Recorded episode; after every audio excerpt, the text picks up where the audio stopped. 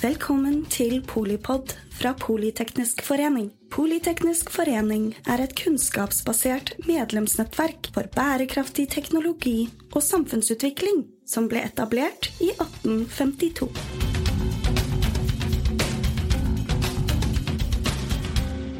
Takk til Ellen Andrea Wang. En av våre hjemlige musikksensasjoner, må det vel lov å si. Dere kjente sikkert igjen den andre låta, eller det hun improviserte over, men den første var over en tekst av Rolf Jacobsen, 'Kjente jeg deg'. Vi har hørt fra uh, UiO Norden-forskningens verden, men det er også mye mer der det kommer fra. Og også i det som følger, skal vi ha forskningen med oss.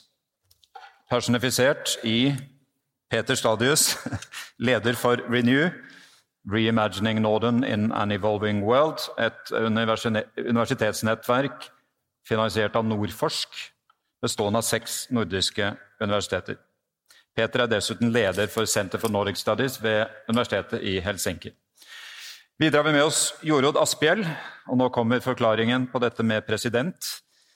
Han er dette året noe så flott som president, nærmere bestemt i Nordisk råd, der Norge nå har presidentskapet. Så har vi Sveriges ambassadør i Norge, Cecilia Bjørner. Abid Raja måtte dessverre melde forfall i dag tidlig, eh, men Ola Elvestuen, stortingsrepresentant for Venstre og tidligere klima- og miljøminister, har vært sporty og steppet inn. Jeg håper det ikke er noen Abid Raja-stalkere her som kun har kommet pga. han. Jeg tror vi skal få en fin samtale likevel. Og til slutt, så, eh, men aldeles ikke minst, så har vi Gina Gylver, leder i Natur og Ungdom. Norden, hva nå? Vi har tenkt oss dit, om vi ikke klarer å gi riktig alle svar innen vår, eh, vår stramme eh, tidsramme. Vi skal ikke dvele ved fortida, men jeg har likevel lyst til å gjenta at UiO Norden også har uh, studert atskillig nordisk fortid. Og at vi i samarbeid med Nasjonalbiblioteket hadde en stor formidlingsserie kalt 'Konstruksjonen av Norden'. Den er fremdeles tilgjengelig på det store internettet. Og, og, det er et slags crash course i nordisk historie og samfunnsliv. Men nå, i denne samtalen, tilbake til en ikke veldig fjern fortid. Før vi skyter fart inn i samtid og til og med framtid. Vi har, må vi tro, lagt en pandemi bak oss, i alle fall offisielt. Og av den så lærte vi bl.a. at Norden, ikke bare nordiske land, ikke bare er like, men også at det også finnes ulikheter.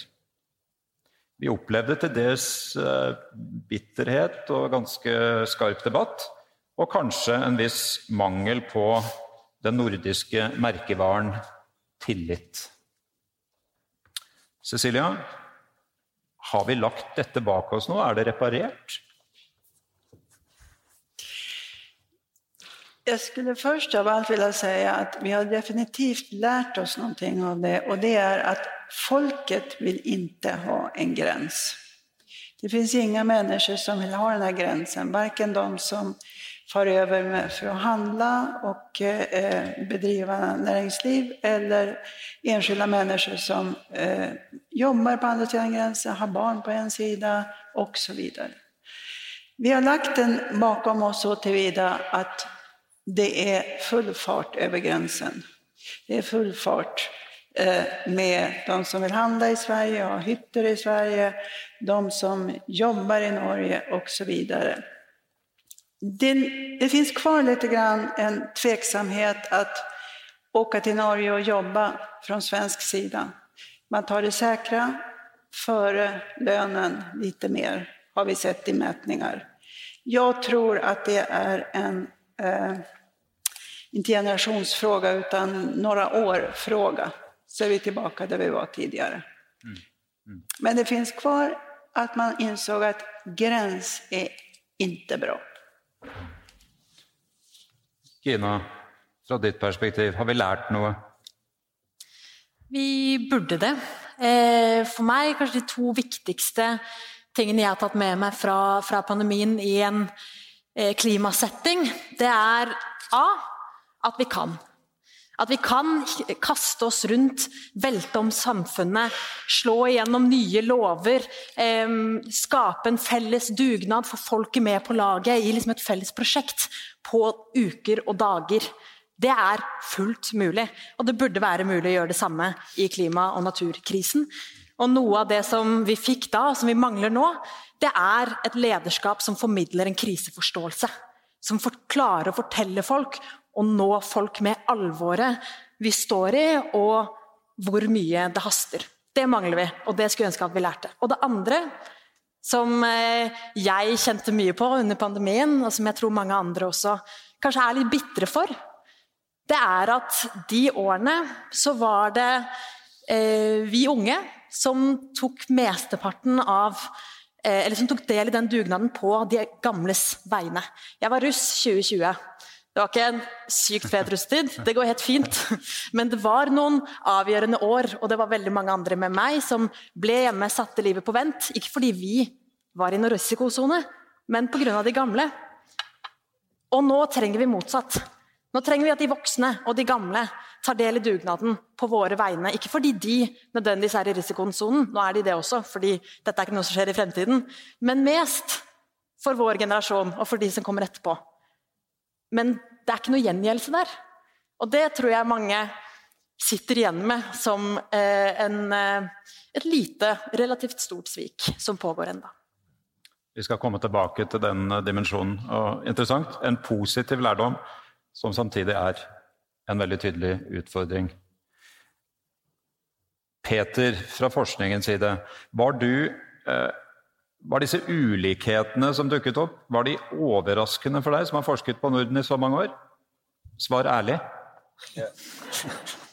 Det ble jo veldig tydelig ganske tidlig at de nordiske landene hadde ulike løsninger på hvordan man skulle takle pandemien. og Kanskje det mest tydelige skillnaden var mellom Sverige og Finland, kunne man si. Og forstås, Sverige stakk jo ut også internasjonalt. Og, og man kan vel si med en ganska lång erfarenhet att eh, jämföra just Sverige och Finland så, så kan man säga att Finland traditionellt har vi varit väldigt bra på att få folk att överleva. Medan man i Sverige är kanske lite bättre på att skapa ett gott liv.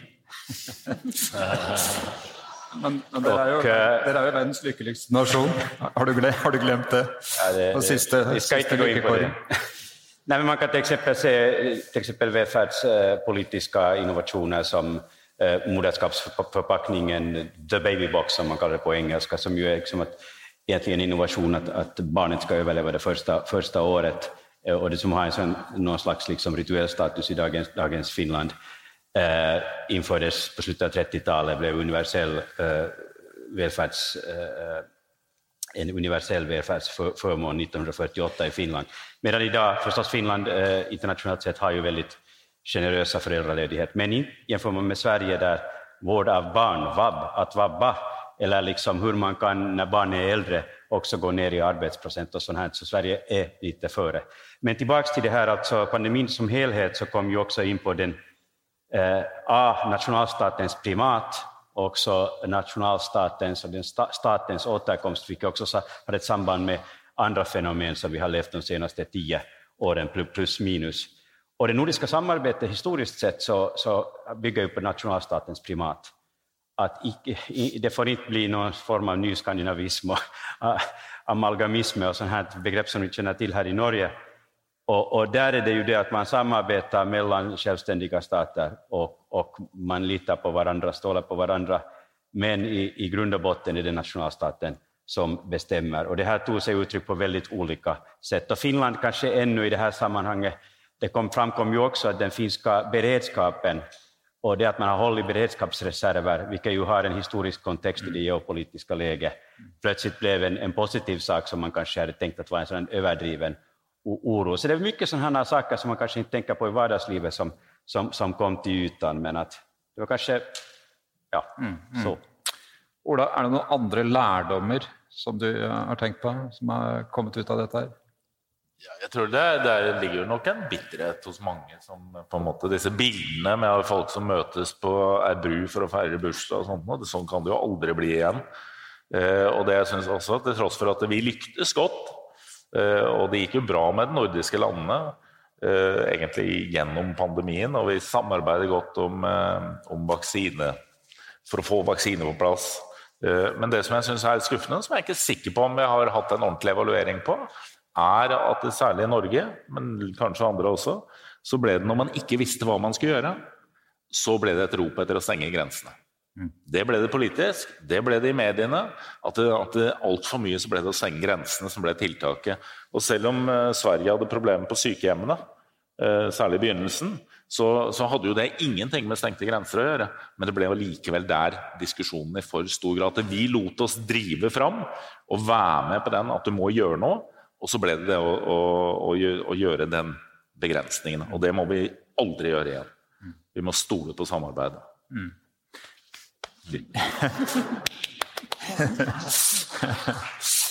Jorod, eh, jeg regner med at du ikke insisterer på å bli kalt president? Det er greit at du ja, ja, det... ja. Um, uh, hva gjorde det med samarbeidet i Nordisk råd? Der en av de store visjonene fram mot 2030 har vært at vi skal, skal bli verdens best, tettest integrerte region. Dette var vel ingen vidundermedisin, for å tale paradoksalt? Nei, det var ikke, jeg ser det, det bildet som vi satt igjen med i starten, det var jo de to brødrene som satt på hver sin side på Minnesundbrua, som møttes hver uke. Eh, det tror jeg har sett i hodet på oss alle sammen. Eh, og jeg så jo fra å, møte, fra å ha fysiske møter i de nordiske land sammen med nordiske kollegaer, på tvers av land, på tvers av språk, på tvers av partigrenser, så ble alle sammen flytta inn i digitale rom. Eh, og det har skapt en, eh, en, ganske stor avstand. Så sier noe om at Det nordiske samarbeidet, både språklig, kulturelt og ellers, det handler litt om å være til stede sammen og utvikle ting. Og eh, så var jo at Sverige var jo vår storebror og gjort Norge solidarisk med å ha vaksiner i den perioden. Det sier også om at viktigheten av samarbeidet i Norden var helt avgjørende. Og så er det jo sånn i Norge, Vi snakker om svenskehandelen. Veldig mye nordmenn reiser til Sverige og kjøper ulike varer til en eh, veldig rimelig pris. Plutselig var det stopp. Og Det gjorde at butikker på svenskesida måtte stenges ned osv. Og det skapte ja, forargelse på den svenske sida, og det skapte forargelse på den norske sida for at folk ikke kunne reise til Sverige og handle. Og Det sier jo noe om at det, det her samarbeidet henger veldig tett sammen. Og det, både på arbeidsmarkedet og ikke minst de unge, som måtte ikke kunne studere og reise på tvers av nordiske land for å studere og, eh, på, sammen med nordiske ungdommer. Og det er en stor utfordring. Og det ser vi jo at eh, tida framover vil samarbeide på det her med forsyningssikkerhet, både på medisin, medisinsk utstyr, mat, energi osv. Det tror jeg vil være enda viktigere i åra framover. Så at vi kommer tilbake til en hverdag som eh, vi kan møtes fysisk, det tror jeg er helt avgjørende. Eh, vi er ikke født for å være i, eh, sitte i digitale rom og snakke sammen for å løse store utfordringer. tror jeg. Vi har fått en ny sikkerhetspolitisk situasjon i og med Russlands brutale angrep på Ukraina. Vi har fått et nytt trusselbilde. Vi har fått Det som utspiller seg, er jo også en, en, tydelig kamp for det mange refererer til som vestlige verdier, altså for demokrati. Og konsekvensene har vært ganske store for Norden også. Peter er nysgjerrig på hvordan Finland kunne snu sikkerhetspolitisk Snu så totalt, virker det som, i løpet av så kort tid, uten særlig debatt, så vidt jeg forstår. Er det mulig å si litt om bakgrunnen for det? Ja, det var jo altså så utrolig spektakulært den där snabba svängen som skedde och, och 24 februari 2022 var en, som man säger på engelska, complete game changer. För att Finlands utrikespolitik hade byggt från den från kalla kriget, Kekkonen, eh, Paasikivi Kekkonen, Kekkonen Koivisto, på att vi under de rådande omständigheter hanterar vår östra granne och där inbegriper eh, dialog, kontakter och på något sätt också en självbild att vi inte är så skraja. Vi kan hantera denna situation också arrangerat i ett sånt här, vi har en statsminister som sköter EU och en president som eh, ryska presidenter vill ringa till en annan president, de vill inte ha en statsminister som är liksom under. Och eh, därför var ju den allmänna folkopinionen mot ett medlemskap i Nato för att det skulle enligt rådande eh, logik bara skapa ökad spänning. Och, och sen skedde det som skedde och det betydde liksom på sätt och vis att, att man, man kände en, en stor oro, rädsla, ilska. Att, och på tal om tillit, att nu, nu är liksom, det finns många olika uttryck jag kunde använda nu, men att låt oss säga big game changer, och mm. då, då blev det panik. Då var det, nej, tuff. Och, och, det skedde så snabbt att politikerna fick bråttom att hänga med. Och, och eh, kanske det var lite samma sak i Sverige också, jag ska inte uttala mig, det finns andra som kan säga mer om, om den saken. Och, och det förändrar hela, hela, hela, hela liksom Finlands doktrin. Och kvar, det hade funnits ett väldigt starkt pro-Nato, men som ändå hade varit i, i minoritet i, i Finland.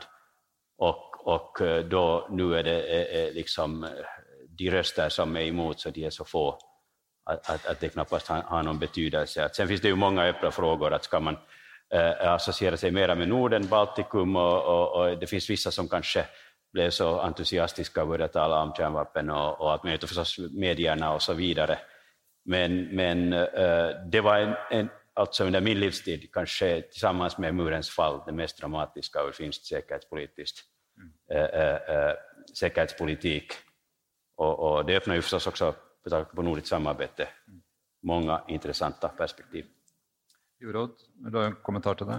Ja, eh, Der er jo en game changer fullstendig, og det er det også for det nordiske samarbeidet, tenker jeg. Eh, derfor har jo Nordisk råd nå vi har tatt initiativ til å eventuelt å endre Helsingforsavtalen, eller oppdatere Helsingforsavtalen. Det er jo 30 år siden sist. Og forsvars- og sikkerhetspolitikk er ikke en del av agendaen til Nordisk råd i utgangspunktet. Men det preger jo alle våre debatter om det er i utvalg eller presidier i Nordisk råd, så kommer vi tilbake til det her med forsvars- og sikkerhetspolitikk. Og da tror jeg at det, det å oppdatere da den Helsingforsavtalen og forsterke Norefco, som er det forsvarspolitiske samarbeidet i Norden, det tror jeg vil være avgjørende i tida framover for hvordan situasjonen og ståsted Nordisk råd skal ha òg. For det her kommer til å involvere alle sammen, eh, både sivilt og forsvarspolitisk. Så Det tror jeg er en viktig sak eh, for Nordisk råd framover. Og hvordan vi skal Den gjensidige avhengigheten av vår sikkerhet, både sivilt og forsvarspolitisk, vil være høyaktuelt i tida framover. Cecilia, tror du at, eh, at, Forsvaret, eller forsvarene, vil uh, bli mye viktigere i utviklingen av det nordiske samarbeidet framover? Det er vel en spenning her også mellom Nato og altså, Vi har jo på vår venstreside i, i Norge mange som da mye heller ville hatt et mye tettere nordisk forsvarssamarbeid. Jeg tror ikke at, det, at Norden eh, skal ikke ha en egen forsvarspolitisk blokk. Men altså, alle nordiske land er en del av eh, Nato. Mm. Så er det en, eh, viktig hvordan skal vi sørge for et godt samspill og samarbeid på tvers av nordiske land. Og det handler ikke bare sør-nord, det handler ikke minst vest-øst hvor vi har transportårer av forsvarspolitisk utstyr. Det handler om at har vi veier som kan måte, sikre vår trygghet. Har vi, har vi jernbane, strekninger som kan sikre frakt av utstyr. Og har vi havner. Så her er en eh, ganske stor, komplisert ordning. Hvordan vi skal samarbeide enda tydeligere for å løfte det her arbeidet. Nå så vi jo Knut Storberget la jo fram eh, Forsvarskommisjonens rapport. Og neste uke, om to uker så legger jo Harald Sunde fram da totalberedskapsrapporten. og Det vil også spennende å se hvordan kan vi da i Norden samarbeide enda tettere, både sivilt og forsvarspolitisk på mange områder. Men eh, Alle land er jo på en måte selvstendige land, på her, men eh, vi har gått for å samarbeide enda bedre. Har du noen kommentar til det, Cecilie? Absolutt. Jeg holder, jeg holder med i, i, i denne analysen. Og jeg tror at eh, altså, forsvaren holder redan på att integreras, inte bara samarbeta, utan håller på att integreras inom det nordiska, Nordefco och långvarigt nordiskt arbete. Det här att vi blir medlemmar av Nato skapar ytterligare ett incitament och ett ramverk för att arbeta med det. Sen tror jag det finns en perceptionsfråga i det hela och det är att USA och andra NATO-medlemmar kommer att se oss som ett sikkerhetsforsvar Eh, på den nordiska peninsulan. Alltså de kommer att se oss som en helhet, så vi kommer själva att se oss som en helhet. Sen pratar man med militärerna så säger de att man kan inte se norr för sig och eh, eh, Bottenhavet för sig eller eh, de södra delarna. Utan alltihopa blir en gemensam, vad militärerna kallar militärteater, alltså ett område. Det kommer också innebära att vi måste ställa om och jobba på ett helt annat sätt med det här. Och slutligen ska jag bara vilja säga att det är inte bara så att det militära integreras, utan med den här NATO-paraplyt och integreringen av försvaret så blir det en massa ringar på vattnet inom näringslivet, inom eh, infrastrukturen, eh, inom alla underleverantörer, inom transport och så vidare. Så absolut, vi kommer att ha en ofantligt viktig och kanske en av de viktigaste drivkrafterna för att både persepsjonsmessig og i praktiken få ihop oss i Norden. Altså, dette her, er, det, er det nordiske viktig? Er det Vesten mot resten? Eller liksom, er det nordiske egentlig viktig i det store bildet? Ja, det gjør det. Det har jo allerede gitt oss en, en bedre sikkerhet. Bare det at du har Sverige i praksis og Finland innenfor artikkel 5, det gir en annen sikkerhet. Eh, og hvor, hvor mye todelt verden vi får, det tror jeg er vanskelig å si ennå. Men at det er en tendenser til det, er det jo ikke noe tvil om. Men jeg er helt sikker på at det nordiske samarbeidet, og for Norges del Vi går jo da fra å være Natos øyne og ører i nord til å bli en integrert del av et nordisk eh, forsvarssamarbeid. Og jeg er helt sikker på at det kommer til forventningen om at vi skal gjøre mer, kommer til å bli sterkere. Er da, da, er vi 27 millioner mennesker. Vi er et stort territorium nord i Nato. Eh, og etter hvert som risikoen for at det kan skje noe andre steder, Taiwan eller annen, så vil forventningen om at vi i større grad vil kunne ha mulighet til å klare oss sjøl, være der. Og gjerne med ansvar inn i, Baltikum også. Så det tror jeg vi bare skal Det er bare å forberede seg på. Men sterkere sikkerhet fikk vi med en gang. Vi må videre til siste hovedtema i, i denne samtalen. En dimensjon ved det nordiske og, og, ved nordiske ambisjoner som vi også så vidt har tangert. Jeg tenker på målsetningen om å bli verdens mest bærekraftige region innen 2030. Jeg anbefaler en kronikk i Aftenposten i dag ved Thomas Hylland Eriksen, som skal snakke senere. Hva er realismen i dette, Jorodd? Altså, hvordan arbeides det fra Nordisk råds side for å oppnå et så hårete mål, må man kunne si? Ja, eh, Visjonen ble tråkket opp i 2019 av de nordiske statsministrene som verdens mest eh, bærekraftige og integrerte region. Og Det er en eh, hårete visjon som vi må etterleve. Og hvis en tenker på energisikkerhet, som virkelig er de store, store utfordringene vi har i dag men Det første er jo at vi må ha en eh, energiøkonomisering, hvor vi må spare energi. Hvordan skal vi treffe tiltak i Norden som kan ha felles nordiske resultat? Det handler om vindkraft, det handler om vannkraft, det handler om solenergi. Så ser vi I Norden så har vi da ulike interesser bl.a. om kjernekraft.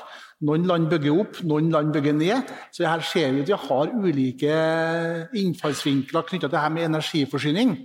Og jeg tenker at De unge i Norden det er de som kanskje da går foran her og peker på viktigheten av at vi skal omstille oss. Men vi i Nordisk råd har jo tatt til orde for at vi skal ha et ministerråd for transport. Hvorfor har vi gjort det? Visjonen sier at vi skal ha verdens mest bærekraftige og integrerte region. og Hvordan kan vi løse det? Integrerte, Da må, vi vi ha samband mellom landene, både til havs, på lufta, etter jernbane, etter vei osv. Og det er de områdene også som måtte stå for de store utslippene i Norden. Og derfor, Hvordan skal vi sørge for at vi har et fellesnordisk prosjekt på å ha et ministerråd som kan se på felles transportløsninger som er med og bidrar til redusert utslipp og mer energivennlige transportløsninger. Det tror jeg er helt avgjørende. og Der må Nordisk råd ha med seg Ministerrådet for å bli, komme i havn på det området. Gina, skal du få være representant både for natur og ungdom. Um, som aktivist, representant for en yngre generasjon, hvordan ser du dette? Hva er status i Norden på dette området? Det ser jo ikke så bra ut. Det gjør det jo ikke. I hvert fall ikke i et norsk perspektiv. Um, vi er jo en styrterik region. Vi har et skyhøyt forbruk, og vi er ikke spesielt villige til å gjøre noe med det, også fordi vi rammes relativt sett ganske mildt av klima- og naturkrisen.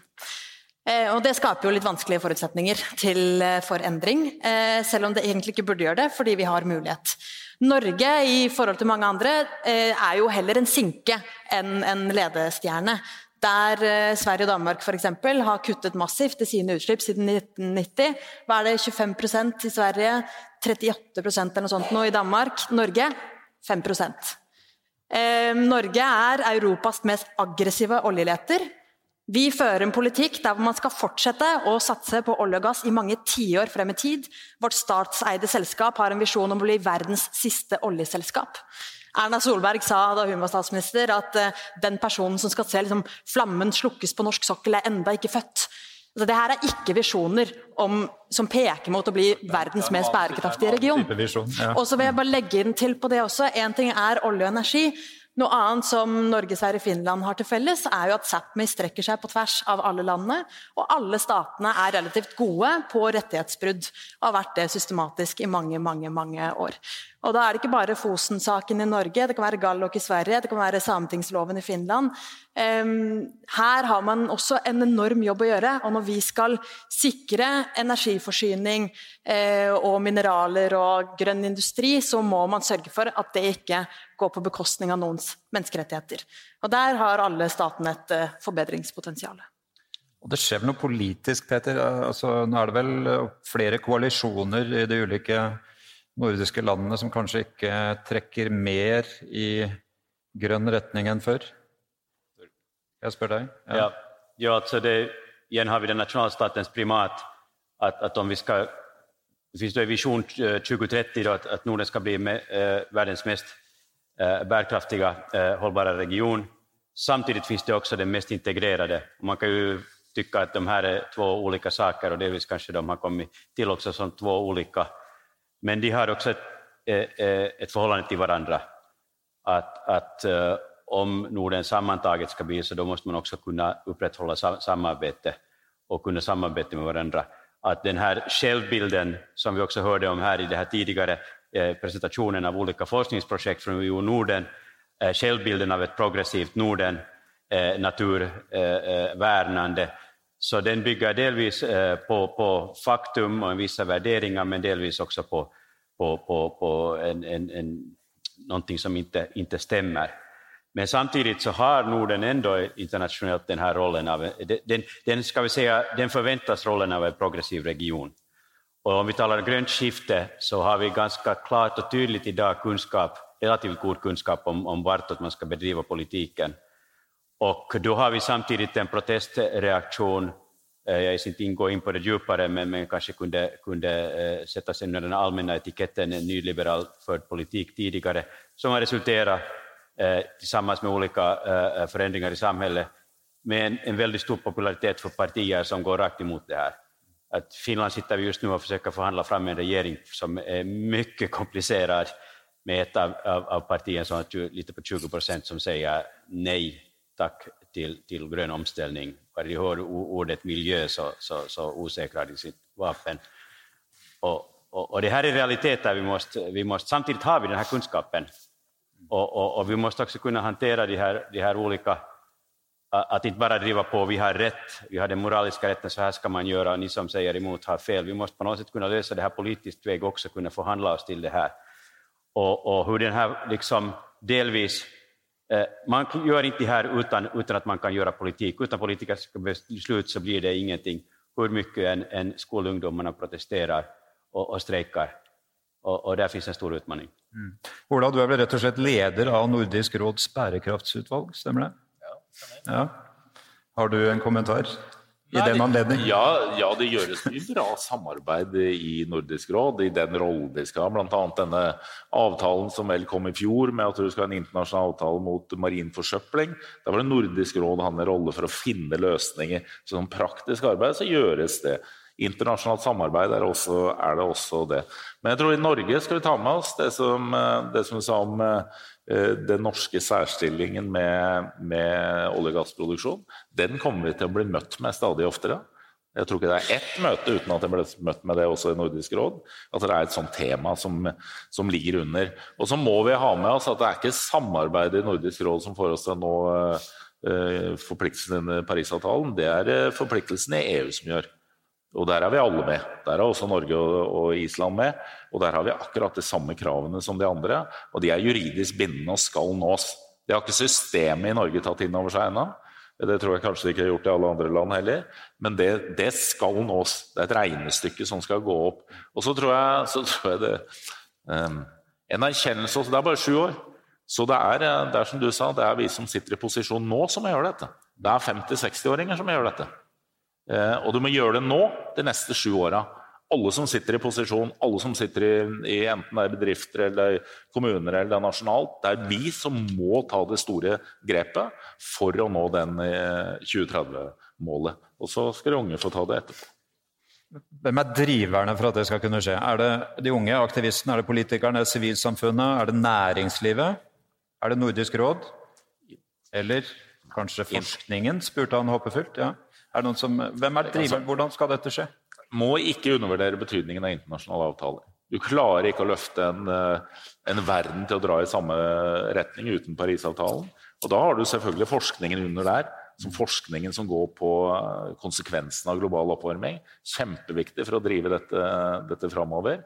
Men de er der. Og så er det operasjonaliseringen eh, i hvert enkelt land. På hvert enkelt nivå i hvert enkelt land hvis du ikke klarer å mobilisere den, at det er enkeltpersoner Ja, du klarer ikke å redde verden, men du skal gjøre et valg om du skal være en del av løsningen eller en del av problemet. Og så må du gjøre det i alle posisjoner du har. Og, og får du den motoren, så går det. Og jeg må bare si, de nordiske landene vi er vel altså de mest stabile, velfungerende demokratiene i verden. Hvis ikke vi skal klare den oppstillingen og gjøre dette og få de utslippskuttene, hvem svingende skal klare det ellers da? Her sånn er dette er jo å ta lederposisjonen og vise at det går. Ja. Og det gjør det. Det er vanskelig, men det går. Det som jeg syns er interessant, er at under hele min karriere som diplomat så, så, har det ofte vært så at det har vært eh, progressiva ideer som kommer fra eh, regeringarna i de nordiska länderna. Men näringslivet har av olika skäl varit eh, tveksamma eh, för vissa förändringar. Nu sen jag kom till Norge och jobbar med den gröna omställningen inom näringslivet så ser jag att det är näringslivet som är den mest progressiva kraften bredvid försvaret, ska jag säga. Mm. Näringslivet har en enorm kraft i att vilja förändra sig i grön eh, riktning. Inte minst för att de ser att det är en, blir en komparativ fördel och en konkurrensfördel om vi realiserar allt det vi har. De saknar regeringarna som i sin tur sitter i en rävsax för att kunna skapa den här eh, eh, environment för att det här ska ske. Mm. Ina, og så skal Jorodd få svare på et siste spørsmål, tror jeg. Ja. Ja, da skal jeg være rask. Eh, er det politikerne, næringslivet eller resten av oss. Det er alle sammen som må ta i tak på hver sin måte. Og jeg er enig i at næringslivet gjør kjempemye bra i Norge. Og ofte ser man det at penger flyttes mye raskere enn politikk. Og at det er nettopp der man eh, iblant når politikerne liksom henger etter, så, eh, så, så, er det liksom banker som går foran eh, og sier at vi vil ikke investere i gruveselskaper som driver med sjødeponi eller vil ha lete etter mineraler på havbunnen, f.eks. Um, og iblant er det ikke det. Igjen, nettopp siden vi er på et universitet, så må vi snakke litt om eh, Equinor, som også er gode på å rekruttere blant studenter og har mye med, mye med universitetene å gjøre. Eh, de hadde jo generalforsamling for knappe to uker siden. og Da var det et eh, forslag fra WWF og Greenpeace om at Equinor måtte sørge for at deres virksomhet og all produksjon var i tråd med 1,5-gradersmålet. Burde ikke det vært en selvfølge når vi har forpliktet oss til Parisavtalen og 1,5-gradersmålet? Det forslaget det ble stemt ned. Det ville man ikke, fordi da måtte man legge om hele virksomheten. Og akkurat nå så er jo fornybar, altså energiproduksjonen til Equinor i fjor den var 0,13% fornybar. 0,13% Og de er et bredt energiselskap. Sånn at Der har staten sagt i sin eierskapsmelding at de vil sørge for at de stateide selskapene skal være i tråd med 1,5-gradersmålet. Og da må man ha staten som pusher næringslivet, fordi de åpenbart ikke er villige til å gjøre nok på egen hånd. Så det er et, eh, et, samspill, og jeg tror ingen, verken politikerne eller næringslivet, kommer til å gjøre nok, med mindre man har et sterkt sivilsamfunn som presser på fra bunn. Jeg skal avslutte med et spørsmål. Jeg tror vi har fått noen antydninger og svaret allerede. men Men dette med Norden og nordisk samarbeid framover, altså om det vil bli viktigere eller, eller mindre viktig altså Vi vet jo at det er stor grunn til å sette pris på å vedlikeholde nærheten vi har til hverandre. Gjennom språk til dels, gjennom kultur og historie, gjennom lignende samfunnsmodeller. Men nå, for nå på slutten å, å stå fram som djevelens advokat, har ikke alltid nasjonalstaten bilateralt samarbeid med USA, EU og Nato vært viktigere? Vil det endre seg? Jeg tror jeg skal la presidenten i Nordisk råd få svare på det til slutt. Ja, så mye etter at jeg har vært medlem av Nordisk råd siden 2009, eh, så har de siste åra eh, tydelig vist at nordisk samarbeid er viktigere enn noen gang. Og Vi ser òg opinion i nordiske land Eh, sett at nordisk samarbeid er viktig innenfor mange områder. For vi er så integrert. Vi er, sier, vi er jo en av de tolvte største økonomiene i verden. Vi er det mest utdanna folket i verden regionmessig. Det sier noe om at vi har handlekraft og har muligheter til å samarbeide enda tettere og enda bedre for å løse de store globale spørsmålene innenfor energi, innenfor uh, miljø, innenfor transport osv. Der tror jeg at vi i Norden må ta en enda tydeligere rolle framover. Og vi ser at vi blir invitert i stadig større grad på internasjonale konferanser, fortelle om den nordiske velferdsmodellen. Vi er jo på en måte ganske like på det her, og det jeg vi skal måtte framsnakke enda mer. Vi har nå tatt, tatt et initiativ til å ha en sommercamp 17.-20. juli for nordiske ungdommer på Utøya. Har, den er fulltegna, så innmeldinga er stoppa allerede.